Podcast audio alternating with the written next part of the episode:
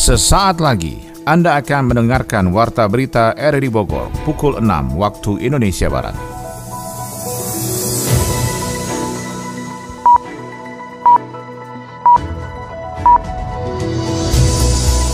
Selamat pagi dan salam jumpa. Kembali kami hadir dalam Warta Berita edisi hari ini, Selasa 28 Maret 2023. Siaran kami bisa Anda dengarkan lewat audio streaming di RRI Play dan bisa Anda dengarkan juga di audio on demand di Spotify, Anchor, Portal, dan Google Podcast. Berita utama pagi ini adalah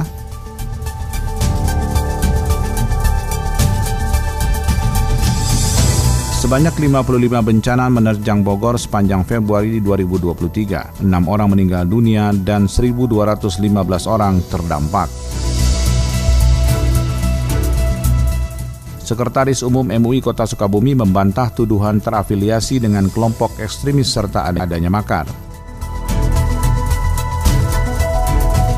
Timnas Indonesia terancam absen di kancah dunia internasional selesai batalnya drawing Piala Dunia U20 2023 oleh FIFA.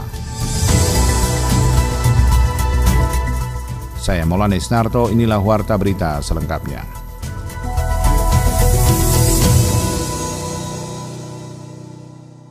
Sebanyak 55 bencana alam terjadi di 33 kecamatan di Kabupaten Bogor, Jawa Barat selama Februari 2023. 6 orang meninggal dunia dan 1.215 orang terdampak. Kabit Kedaruratan dan Logistik BPBD Kabupaten Bogor, Aris Nurjatmiko, mengatakan bahwa bencana yang terjadi didominasi angin kencang dengan 24 kejadian, disusul dengan longsor 12 kejadian, banjir 2 kejadian, tanah bergerak 4 kejadian, gempa bumi 1 kejadian. Sementara bencana lain-lain tercatat sebanyak 11 kejadian. Di antaranya rumah ambruk atau roboh, pohon tumbang, dan dari puluhan bencana itu mengakibatkan 6 orang tewas, 3 orang luka-luka mengungsi 49 orang, dan 6 orang meninggal. Dua orang ditemukan meninggal di Kecamatan Mega Mendung karena hanyut, dua orang hanyut di Kecamatan Bojonggede, dan dua orang hanyut di Kecamatan Lewiliang. Sementara warga yang terdampak sebanyak 359 kepala keluarga atau KK atau 1.215 orang, sedangkan untuk bangunan rumah 147 rusak ringan, 82 rusak sedang, 37 rusak berat, dan 39 rumah terancam. Selain itu, satu bangunan ibadah rusak, lima sarana pendidikan, satu sarana pemerintahan, dan empat fasilitas umum. Tiga rumah nyaris tertimbun longsor akibat jebolnya turap penahan tebingan di Kampung Bolang, Desa Tajur, Kecamatan Citerep, Kabupaten Bogor. Laporannya disampaikan Yofri Haryadi. Tiga rumah jebol nyaris tertimbun longsor akibat jebolnya turap penahan tebingan di Kampung Bolang, Desa Tajur, Kecamatan Citerep, Kabupaten Bogor. Peristiwa yang dilaporkan pada Senin 27 Maret dini hari itu pun direspon tim reaksi cepat dari BPBD Kabupaten Bogor. Petugas dan Ru BPBD Kabupaten Bogor, Tediansah, saat melakukan evakuasi di lokasi mengungkapkan, akibat peristiwa yang terjadi pada Senin dini hari itu pun satu rumah warga mengalami rusak berat, tertimbun material batu dan besi tembok penahan tebingan, dan dua rumah di atasnya terancam longsor. Kejadian ini ada di Kampung Bolang, RT 4 RW 5 Kecamatan Grep, Desa Tajur. Untuk kronologis sendiri, kejadian pada saat hujan deras. Jadi TPT yang berada di pinggir atau di samping rumah terjadi longsor mengakibatkan longsoran TPT menimpa satu rumah yang berada di bawah dan dua rumah yang di atasnya terancam. Untuk korban sendiri, kalau untuk korban jiwa tidak ada, tapi untuk penghuni rumah tiga kakak, 11 jiwa. Tiga rumah dengan 11 jiwa yang menempati bangunan itu pun diungsikan sementara ke rumah kerabat mereka yang lebih aman. Kejadian tersebut akibat tingginya curah hujan pada saat itu ditambah rapuhnya tembok penahan tebingan yang tidak mampu menahan tekanan air di dalamnya. Sementara itu, Kepala Pelaksana Badan Penanggulangan Bencana Daerah Kabupaten Bogor, Asep Sulaiman mengungkapkan, meski sudah melewati prediksi puncak cuaca ekstrim oleh BMKG, wilayah Bogor masih tetap siaga dan waspada menghadapi tingginya curah hujan saat ini. Makanya bagi kami khususnya dari tim khususnya tim TRC ya, kami tentunya walaupun walaupun dalam keadaan normal kami sudah siap siaga sebetulnya. Apalagi dalam musim-musim ekstrim seperti ini, kami akan meningkatkan selalu semua informasi yang dari masyarakat itu akan selalu kami pantau. Evakuasi dilakukan di tengah suasana puasa Ramadan, baik dari Babinsa dan Babin Kamtipmas serta masyarakat yang ada di sekitarnya. Tidak ada korban jiwa maupun luka akibat kejadian tersebut, namun korban mengalami kerugian ratusan juta rupiah dan berharap ada relokasi ke tempat yang lebih aman. Sementara itu, satu kerangka manusia korban bencana gempa bumi Cianjur ditemukan sedalam 30 meter dan langsung dievakuasi ke RSUD Sayang Cianjur untuk dilakukan identifikasi. Berikut laporan Adi Fajar Nugraha. Petugas operator alat berat menemukan kerangka manusia korban gempa bumi Cianjur yang terjadi pada 21 November 2022 lalu. Penemuan kerangka korban itu awalnya dilaporkan petugas alat berat pada minggu siang 26 Maret 2023 kepada pihak kepolisian setempat. Kanit Binmas Polsek Cugenang AKP Marta Wijaya menjelaskan, petugas dan tim SAR sempat kesulitan untuk mengevakuasi kerangka tersebut karena terkendala medannya yang sangat curam. Petugas menemukan beberapa bagian tubuh korban yang sudah terpisah dan ditemukan di dalam longsoran tanah sedalam 30 meter. Evakuasi Evakuasi berlangsung selama 30 menit dengan menggunakan alat berat dan kerangka korban langsung dibawa ke RSUD Sayang Cianjur untuk dilakukan otopsi. Penemuan mayat ini yang tadinya dari petugas dari Peko dibawa Hadesita, TKP Longsor, di gedung itu ada serpian tubuh mayat ditemukan dari sebelah kaki, kaki kaki sebelah dengan uh, tangannya udah dalam uh, sekitar 30 menitan. Langsung dibawa uh, mayatnya ke atas.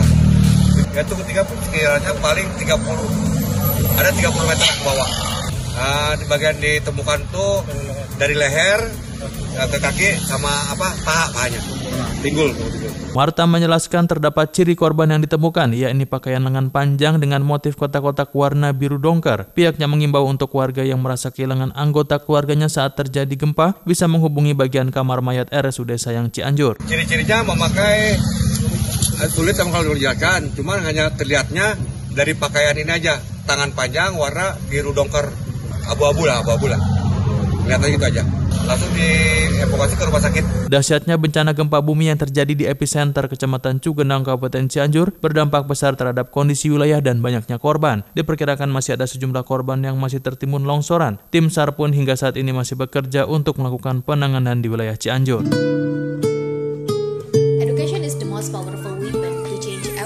Jadi pengen lanjut S2 deh? Ya elah, ngapain sekolah tinggi-tinggi sih?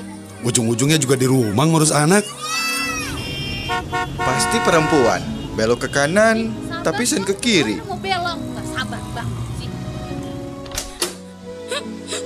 Idih, jadi perempuan cengeng amat. Manja banget deh ah. Sadar gak sadar, candaan verbal bernada seksisme mendorong diskriminasi dengan menjadikan gender sebagai objek perlakuan tidak adil. Sudah saatnya merubah pola pikir, ucapan, tulisan, dan perilaku agar tidak merendahkan harkat dan martabat orang lain. Kita beralih ke informasi lainnya, Komisi 4 DPRD Kota Bogor menyerukan pentingnya pendidikan karakter. Kita ikuti laporan Sony Agung Saputra. Pentingnya pendidikan karakter keagamaan kepada peserta didik di tingkat sekolah baik formal maupun non-formal menjadi catatan penting dari Komisi 4 DPRD Kota Bogor. Hal itu tersampaikan saat bincang pagi RRI Bogor Senin yang membahas penjaga kesejukan Ramadan dengan adanya pendidikan karakter bagi pelajar. Anggota Komisi 4 DPRD Kota Bogor Luciana memandang saat ini salah satu cara memfilter segala bentuk keburukan dan dampak negatif kemajuan zaman dengan pesatnya perkembangan teknologi harus dengan membetengi melalui karakter agama dan suri tauladan bagi generasi muda. Banyak permasalahan yang dihadapi wilayah Bogor dari mulai tawuran, narkoba, balap liar hingga minuman keras harus terbendung saat memasuki bulan Ramadan. Dengan adanya pendidikan karakter saat bulan Ramadan ini bisa lebih mendapatkan makna untuk kehidupan pada bulan selanjutnya sehingga sehingga menjadi generasi yang lebih memahami nilai agama dan sopan santun di bumi Nusantara sehingga pengajar di Dinas Pendidikan atau alim ulama ormas keagamaan baik itu Nahdlatul Ulama Muhammadiyah termasuk Majelis Ulama Indonesia harus turun tangan bentuk karakter yang baik saat bulan Ramadan bulan penuh barokah ini. Bulan Ramadan ini memang melatih diri untuk menahan hawa nafsu ya untuk melatih emosional kita. Jadi mungkin kita juga ingin sekali kerjasama dengan sekolah-sekolah untuk memberikan pendampingan. Misalnya sebagai contoh, kalau pas saat uh, masuk sekolah kita mengadakan tadarus seperti itu, menyentuh hati anak-anak didik kita atau apalah sepatah dua patah kata dari guru didik ini untuk mengingatkan, apalagi di pagi hari gitu ya, misalnya mereka datang ke sekolah, ada misalnya kuliah tujuh menit lah dari guru yang mengajarnya untuk mengingatkan Menyikapi hal tersebut, Ketua Pengurus Cabang Nahdlatul Ulama Kota Bogor Edi Nurrohman menjelaskan fungsi dari ulama terutama yang berada di perkampungan dalam pembinaan mental spiritual termasuk pembentukan karakter dari generasi muda sangatlah vital sehingga pihaknya terus mengoptimalkan peran alim ulama dalam pembinaan wilayah. Kemudian secara struktural NU mempunyai berbagai lembaga yang bisa menjadi solusi pendidikan generasi muda dengan adanya penggemblengan secara mental spiritual selama bulan Ramadan dengan adanya kolaborasi dengan semua pihak termasuk di dunia pendidikan. Jadi kalau di NU itu kan kita ada beberapa pendekatan melalui beberapa lembaga badan otonom di bawah Nahdlatul Ulama yang sesuai dengan tingkat usia. Gitu ya. Jadi hmm. kalau di NU itu kita dalam merekrut anak adik-adik pelajar di tingkat SMP, SMA, kita ada namanya lembaga IPNU atau IPPNU ya yang segmennya ke situ. Di IPNU itu banyak mereka melakukan pendekatan ke adik-adik tingkat eh, SMP SMA. Jadi mereka mengajak daripada bergabung ke komunitas yang cenderung negatif, lebih baik bergabunglah kepada komunitas keagamaan yang sesuai dengan tingkat usianya. Sementara itu, Kepala Dinas Pendidikan Kota Bogor Sujatmiko memandang peran semua pihak dalam membentuk karakter peserta didik dalam bulan Ramadan. Ini haruslah lebih optimal karena banyak yang bisa dilakukan melalui dari pondok pesantren, pesantren kilat hingga pendidikan berkelanjutan di bangku sekolah atau pendidikan non formal baik madrasah atau pengajian. Lembaga pendidikan baik formal ataupun informal bisa berperan untuk menciptakan pola didik bagi generasi muda yang mempunyai moral dan akhlak sesuai dengan ajaran agama dengan memegang tata krama sopan santun yang telah diturunkan sebagai tradisi leluhur bangsa Indonesia. Sekretaris Umum Majelis Ulama Indonesia Kota Sukabumi membantah tuduhan terafiliasi dengan kelompok ekstrim serta adanya makar. Laporan Adi Fajar Nugraha. Sebuah video viral di media sosial memperlihatkan Sekretaris Umum Majelis Ulama Indonesia MUI Kota Sukabumi Ujang Hamdun mengacungkan mengeluarkan senjata senapan laras panjang sambil menyampaikan pesan-pesan berisi seruan. Sebagian pihak menyebut video tersebut sebagai provokasi dan dianggap sebagai kelompok ekstremis. Sekretaris MUI Kota Sukabumi Ujang Hamdun pun angkat bicara dan mengklarifikasi video tersebut. Ia menjelaskan video itu diperuntukkan untuk konsumsi internal. Ujang pun membantah tuduhan terafiliasi dengan kelompok ekstremis serta adanya makar di balik pembuatan video itu. Bahkan dirinya pun mengakui bahwa ia menjadi salah satu pembina pondok pesantren deradikalisasi bagi narapidana teroris. Saya saya NKRI dan saya bagian daripada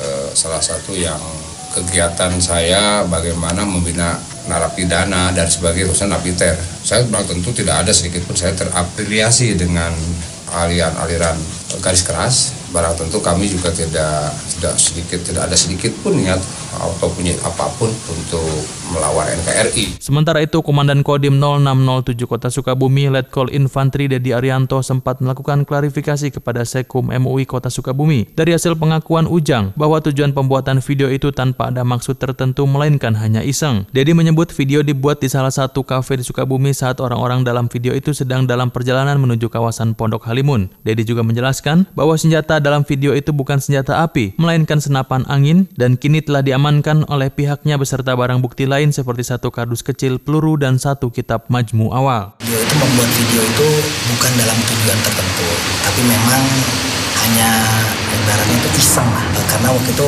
beliau itu mau ke Pondok Halimun kemudian hujan. Hujan kemudian uh, mereka mampir lah. Karena mobil juga ada kendala kendala mereka.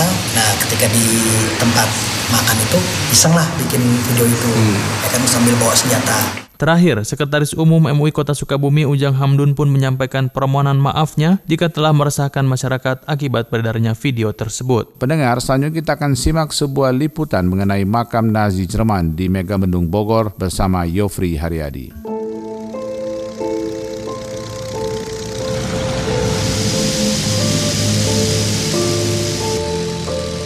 Berbicara tentang kuburan atau makam atau tempat pemakaman umum yang ramai diziarahi pada bulan Ramadan mengingatkan saya dengan komplek petilasan makam asing yang ada di Bogor ini. Makam ini benar-benar asing dan jauh dari cerita sejarah lokal yang kerap dibicarakan. Lalu makam apakah ini? Makam tentara Nazi Jerman era Perang Dunia Kedua. Saya mencoba mencari referensi dan mendatangi objek tersebut yang berlokasi di Kampung Arca, Desa Sukaresmi, Kecamatan Megamendung, Kabupaten Bogor. Saya mencoba mendatangi kantor desa setempat dan sedikit mencari informasi dari Kepala Desa Sukaresmi, Afipudin atau dipanggil Pak Apip.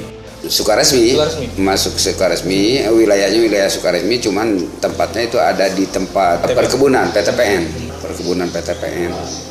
Sosok kepala desa tentunya mengerti riwayat dan sejarah yang ada di desanya. Tapi saat saya bertanya tentang 10 makam Jerman di sana, ternyata tidak ada informasi akurat yang dapat dijelaskan. Itu mah udah lama sejak zaman penjajahan aja adanya. Hmm, zaman penjajahan katanya sih eh, pahlawan di Jerman terus dimakamkan di sini. Cagar budaya. Jadi cuma yang main-main aja. Jadi nggak ada pungutan apa-apa baik dari desa maupun dari pengelola atau yang mengurus makam tersebut. Nggak ada. Untuk itu ke desa juga nggak ada kontribusinya. Wisata ya istirahat aja gitu.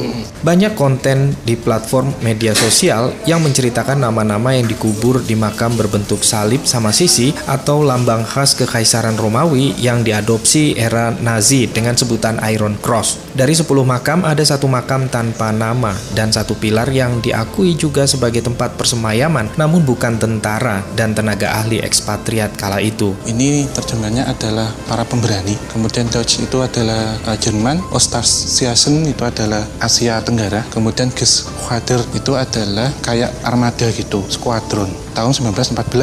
Sehingga ini didedikasikan kepada para militer armada Jerman yang tugas di Asia Tenggara tahun 1914 ini merujuk pada Perang Dunia yang pertama. Dibangunnya itu tahun 1926 diprakarsai oleh Tuan Emil dan Theodor Merujuk dari artikel sejarawan Jerman Herwig Zahorka mengenai riwayat makam tersebut yang menjadi materi konten spiritualis Om Hao dalam berbagai platformnya. Menurutnya, ada kakak beradik Jerman bernama Emil dan Theodor Helfrich membeli tanah di Sukaresmi seluas 900 hektar dan membangun perkebunan teh. Pada tahun 1926, mereka membangun tugu untuk mengenang teman-temannya yang gugur dalam Perang Dunia Pertama. Selama membangun perkebunan teh, banyak orang Jerman lain yang bergabung dengan mereka. Ada dokter, insinyur, tukang kayu, seniman, dan lain-lain. Helfrich bersaudara kembali ke Jerman pada tahun 1928 dan perkebunan teh diurus oleh Albert Fering. Kemudian pada 1939, Perang Dunia II meletus. Adolf Hitler yang didukung partai Nazi menyatakan perang. Jepang yang menjadi sekutu Jerman berhasil menaklukkan Belanda pada 1943. Tentara Jerman masuk lagi ke Jawa memperkuat armada laut tentara Jepang dari armada kapal selam U-boat U-195 dan U-196. Mereka yang gugur satu persatu dimakamkan di komplek pemakaman ini. Mereka adalah satu Letnan Fredrik Stanfield, dua Letnan 1 Laut Willy Schlumer, 3 Letnan Insinyur Wilhelm Jens, 4 Letnan Laut W. Martens, 5 Kopral 1 Willy Petschou, 6 Letnan Kapten Herman Tengerman, 7 Dr. Heinz Hake, 8 Edward Onman, makam ke-9 dan 10 adalah dua makam Unbekan atau tidak dikenal. Lebih lanjut KD Sukaresmini pun mengungkapkan jika ada yang berziarah, mereka langsung saja naik ke lokasi komplek makam yang jaraknya lurus ke atas sekitar 1 km dari kantor desa. Oh langsung, iya langsung nggak ada. Kayaknya nggak ada koordinasi sama sekali gitu. Kalau dia mau ke atas ke atas aja. Dulu aja ada beberapa mobil ya dari kedutaan Jerman naik aja ke atas. Paling dia hubungannya langsung sama kepolisian kadang-kadang dikawal gitu kawal langsung ke atas pulangnya juga ya pulang aja nggak ada mampir-mampir emang dulu sih rencana katanya tahun ini nih bulan Januari mau ada ke sini katanya kunjungan sekitar 100 orang dari kedutaan Jerman tapi sampai saat ini belum nggak ada Di sekitar lokasi ada kedai kopi dan rumah tempat istirahat yang didirikan oleh kelompok tani yang menggarap lahan PTPN 8 di sana. Ada pengurus taman makam bernama Aep, panggilannya Aep Gepeng. Saya pun berbincang berbincang perihal makam yang dirawatnya itu. Menurutnya, kondisi dulu pada tahun 1985 jauh lebih alami dan asri, ditumbuhi bunga-bungaan. Dulu tuh eh, bagusan dulu daripada sekarang itu rapi. Ini aja dari sini ke sana itu kelihatan karena nggak ditanamin pohon-pohonan pisang, singkong enggak aman kayak gini. Sebenarnya dulu rapi kayak begini, ada bunga-bunga kayak gitulah diurus rapi. Kalau sekarang kan lihat aja pohon singkong, pohon pisang apa gitu. Jadi pesannya kumuh kalau dulu tuh enak malah di taman tuh luar. Kang Aib juga menceritakan momen di mana kedutaan Jerman dan Amerika saat melakukan ziarah ke makam tersebut dengan iring-iringan mobil Eropa yang besar dan panjang. Jalannya masih batu-batuan. Ya kalau jarah itu setahun sekali bulan Agustus biasanya itu dia rombongan ada 20 mobil, kadang lebih gitu. Dia berikut anak cicitnya mungkin gitu, anak-anak kecil apa. Kalau sekarang sih kayaknya orang-orang kedutaan aja sih dari lihat dari plat plat mobilnya aja plat mobil kedutaan hmm. Kalau dulu biasa pakainya mobilnya kayak PW kombi, PW kodok atau sejenis PW PW gitu hmm, itu enggak ada ya, Landover paling oh, itu ya Landover. Nah kalau sekarang paling kemarin tuh bulan apa bulan 10 apa bulan 11 ada di sini ngadain acara upacara itu juga sebentar hmm. itu paling berapa mobil ya kayaknya sih orang-orang kedutaan semua sih plat mobil kedutaan Amerika. Hmm. Kini di sekitar lokasi juga ditata seperti sebuah destinasi wisata namun kandas lantaran COVID-19 yang menjadikan kafe rumah makan dan wahana wisata buatan tidak produktif. Fasilitas tanah kehutanan kan, jadi kita membentuk kelompok KTH, kelompok tanah hutan, makanya bentuk ini ya, tahun 2018 sebelum COVID ini udah ramai edukasinya, anak-anak ada flying pok, ada hmm. camping ground bawah atau kolam renang apa, mainan anak-anak. Pas COVID pandemi ditutup, sampai sekarang kita belum bisa kalau angkat dari dulu nggak ada, hmm. ada. Kan memang kalau kata dari paranormal ke sini banyak. Ya oh di sini di sini banyak. Ya, aura negatif ininya ada tapi kecil. Ini banyaknya positif banyak termasuk di pohon ini katanya pohon yang gede ini. Kata orang paranormal itu oh ini pintu gerbang gaib di sini katanya seperti itu tapi enggak saya juga penasaran saya juga termasuk orang yang suka juga dengan sejarah-sejarah. Hmm. saya tanya sama orang tua yang lama sekali sejarahnya gimana gimana nggak ada yang tahu. Dalam buku sejarah tidak pernah menceritakan hadirnya tentara dikdaya Nazi Jerman. Saat itu menginjakan kakinya di bumi Nusantara. Berjuang bersama tentara Jepang yang mayoritas saat itu merekrut rakyat Indonesia menghadapi sekutu saat perang Pasifik. Makam ini juga menjadi bukti strategisnya Indonesia dalam pusaran Perang Dunia Kedua.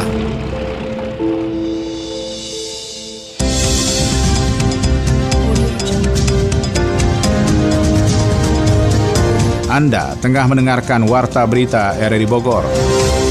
Dari dunia ekonomi, buruh mengancam demonstrasi apabila pengusaha memotong upah 25 persen pada masa gajian 30 Maret hingga 5 April mendatang. Kinerja perusahaan pembiayaan mengalami pertumbuhan laba bersih 1,73 triliun rupiah pada Januari 2023. Kita ikuti informasi ekonomi selengkapnya bersama Adi Fajar Nugraha. Buruh mengatakan siap melakukan demonstrasi bahkan memenjarakan pengusaha yang berani memotong upah 25 persen pada masa gajian 30 Maret hingga 5 April mendatang. Pimpinan Partai Buruh Guru Said Iqbal menjelaskan, hal ini bentuk penolakan terhadap Permenaker nomor 5 tahun 2023 tentang penyesuaian waktu kerja dan pengupahan pada perusahaan industri padat karya tertentu berorientasi ekspor yang terdampak perubahan ekonomi global. Dalam blade tersebut, Menakar Ida Fauziah memperbolehkan perusahaan memotong 25% upah buruh asalkan sesuai kriteria yang ditentukan. Said Iqbal menegaskan jika pada tanggal 30 Maret hingga 5 April terdapat perusahaan padat karya yang memotong upah buruh 25%, pihaknya akan melaporkan ke polisi. Said mengacu pada peraturan peraturan pemerintah pengganti undang-undang atau Perpu nomor 2 tahun 2022 tentang Cipta Kerja. Ia menegaskan Presiden Joko Widodo melarang perusahaan membayar upah buruh di bawah upah minimum. Di sisi lain, Said Iqbal mengatakan buruh akan menempuh langkah hukum di mana pada 2 April mendatang pihaknya akan memasukkan gugatan soal Permenaker nomor 5 tahun 2023 ke PT UN Jakarta. Kemudian blade tersebut akan dilakukan judicial review ke Mahkamah Agung pada 9 April karena bertentangan dengan yang diputuskan Presiden Jokowi dan DPR di Perpu Cipta Kerja. Mengawali tahun 2023, kinerja perusahaan pembiayaan atau multi-finance atau leasing mengalami pertumbuhan laba bersih setelah pajak mencapai dua digit atau 52,05 persen secara tahunan menjadi 1,73 triliun rupiah pada Januari 2023. Berdasarkan data statistik Lembaga Pembiayaan edisi Januari 2023 yang dipublikasikan Otoritas Jasa Keuangan OJK, kenaikan laba ditopang oleh pendapatan yang mengalami pertumbuhan hingga 5,09 persen secara tahunan menjadi 10,48 triliun triliun rupiah dari sebelumnya yang mencapai 9,97 triliun rupiah. Tercatat hampir setiap pos pendapatan mengalami pertumbuhan, salah satunya adalah pos pembiayaan investasi dan pos pembiayaan modal kerja yang tumbuh sebesar dua digit. Untuk pos pembiayaan investasi misalnya, tumbuh 24,87 persen secara tahun ke tahun menjadi 1,92 triliun rupiah pada Januari 2023, naik dari periode yang sama tahun sebelumnya bernilai 1,54 triliun rupiah. Ada pula pos pembiayaan modal kerja yang tumbuh menjadi 637 miliar rupiah pada awal 2023 atau merangkak naik sebesar 44,20 persen secara tahun ke tahun dari 442 miliar rupiah pada Januari 2022. OJK mencatat terdapat 153 perusahaan pembiayaan dengan total aset yang dibukukan sebesar 489,15 triliun rupiah. Sementara itu total liabilitas mencapai 338,54 triliun rupiah dan ekuitas sebesar 150,6 triliun rupiah pada Januari 2023. Dari dunia olahraga, timnas Indonesia terancam absen di kancah dunia internasional selesai batalnya drawing Piala Dunia U20 2023 oleh FIFA. KONI Kota Bogor berusaha membangun perkampungan atlet untuk mengangkat prestasi atlet di tingkat provinsi maupun nasional. Kita ikuti laporan olahraga bersama Ermelinda. Nasib sepak bola Indonesia di kancah dunia internasional sedang dipertaruhkan usai batalnya drawing Piala Dunia U20 2023 oleh FIFA. Bahkan tidak menutup kemungkinan jika timnas Indonesia terancam absen di gelaran SEA Games, Piala FF hingga Piala Asia. Seperti diketahui batalnya drawing tersebut dikabarkan karena polemik penolakan kepada timnas Israel U20. Sebelumnya terdapat dua kepala daerah yang menyatakan penolakan atas kehadiran Israel ke tanah air. Sejatinya urusan politik dan sepak bola memang harus dipisahkan. Namun PSSI melalui anggota Komite Eksekutif Exco Arya Sinulinga mengerti sulitnya memisahkan politik dan olahraga. Oleh karena itu menurut Arya Ketua Umum PSSI Erick Thohir akan berkoordinasi dengan Kementerian Luar Negeri sebagai penanggung jawab diplomasi dan politik luar negeri dan ke Kemenpora sebagai inafok atau penanggung jawab pelaksana Indonesia. Akan tetapi andaikan acara Piala Dunia U20 2023 benar-benar dibatalkan, maka ancaman sanksi bisa saja diberikan oleh FIFA. Bahkan salah satu sanksi terberat adalah pembekuan atau banned dari FIFA. Itu artinya timnas Indonesia tidak diperbolehkan tampil di kompetisi resmi FIFA. Bahkan skuad Garuda bisa saja absen di SEA Games 2023 di Kamboja, Piala AFF 2024 hingga yang paling dekat adalah Piala Asia 2023 yang akan berlangsung di Qatar pada 16 Juni hingga 16 Juli 2023. Meski hal tersebut merupakan skenario terburuk, namun hal itu bisa saja terjadi kepada Indonesia. Bahkan PSSI menyebut akan terus melakukan lobby kepada sejumlah pihak agar dapat menjaga nama baik sepak bola Indonesia di mata dunia internasional.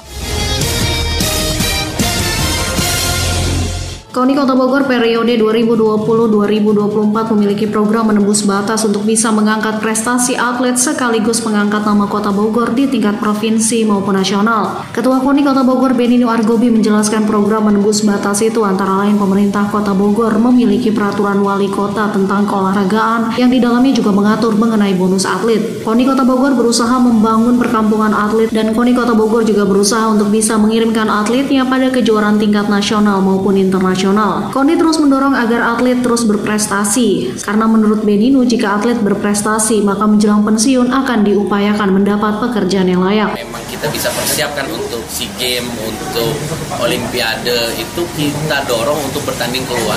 Nah itu kita akan support terus. Jadi memang kita sekarang dorong atlet-atlet untuk ikut pertandingan keluar. Saat ini Koni Kota Bogor sedang mempersiapkan diri ketika telah ditunjuk menjadi penyelenggara Porda Jawa Barat tahun 2026 bersama dengan Cianjur dan Sukabumi bumi. Sementara itu pemerintah Kabupaten Bogor juga terus fokus mendorong sektor olahraga dan pariwisata untuk lima tahun ke depan, sehingga branding Kabupaten Bogor sekarang The City of Sport and Tourism, sektor olahraga dan pariwisata akan menjadi prioritas lima tahun ke depan. Hal ini guna meningkatkan kunjungan wisata dari 7,3 juta menjadi 10 juta pengunjung. Dalam hal ini Dispora dan KONI Kabupaten Bogor juga dituntut untuk terus bisa meningkatkan prestasi olahraga di Kabupaten Bogor. Bidang prestasi Komite Olahraga Nasional Indonesia KONI Kabupaten Bogor Dedi Budi Sumardi menjelaskan jika di tahun 2023 ini KONI Kabupaten Bogor mampu menghasilkan atlet-atlet binaan yang luar biasa dan juga atlet asli Kabupaten Bogor demi mendukung sport and tourism. Sudah barang tentu ada beberapa cabur yang memang perlu ditingkatkan untuk pembinaannya. Juga ada beberapa cabur yang memang harus bisa kuat dalam arti mempertahankan karena ada beberapa cabur yang melebihi bukan melebihi ya. Jadi target yang ini ternyata alhamdulillah bisa melewati, bisa mempertahankan. Nah ini bagi cabur yang masih bukan berarti kurang, yaitu setelah ada evaluasi karena memang banyak eh, cabur yang yang betul-betul kita harus uh, support pembinaannya mm-hmm. ya kaitan dengan apa yang telah dilaksanakan di Porpor karena ada cabur-cabur yang memang butuh perhatian ya. Karena prestasinya masih ya kalau diingin target ya mungkin ya sedikit berkurang gitu kalau dilihat ya untuk 2023 ke depan kaitan dengan cabur yang jelas ya, programnya yang kita selaku pembina cabur keseluruhan ya yang ada di Kabupaten Bogor untuk 2023 minimal banget harus bisa merangkul bagi atlet-atlet yang potensi sehingga ya bisa terfasilitasi bentuk menuju pada program-program cabur itu sendiri. Bahkan dia harus kita lihat sampai kepada nanti program 2026 yang juga sudah dicanangkan. Dedi Budi mengatakan tantangan terbesar KONI salah satunya adalah meningkatkan prestasi olahraga Kabupaten Bogor dan harus mampu berkontribusi di level nasional maupun internasional serta dorongan motivasi kepada jajaran pengurus KONI yang baru untuk bisa mendedikasikan pemikiran dan kemampuan terbaiknya demi kemajuan olahraga di Kabupaten Bogor.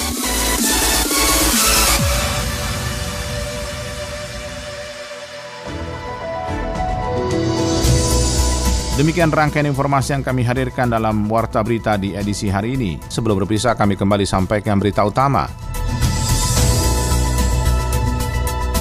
Sebanyak 55 bencana menerjang Bogor sepanjang Februari 2023. 6 orang meninggal dunia dan 1.215 orang terdampak. Sekretaris Umum MUI Kota Sukabumi membantah tuduhan terafiliasi dengan kelompok ekstremis serta adanya makar. Timnas Indonesia terancam absen di kancah dunia internasional selesai batalnya drawing Piala Dunia U20 2023 oleh FIFA. Mewakili kerabat kerja bertugas, saya Maulana Estarto mengucapkan terima kasih. Selamat pagi.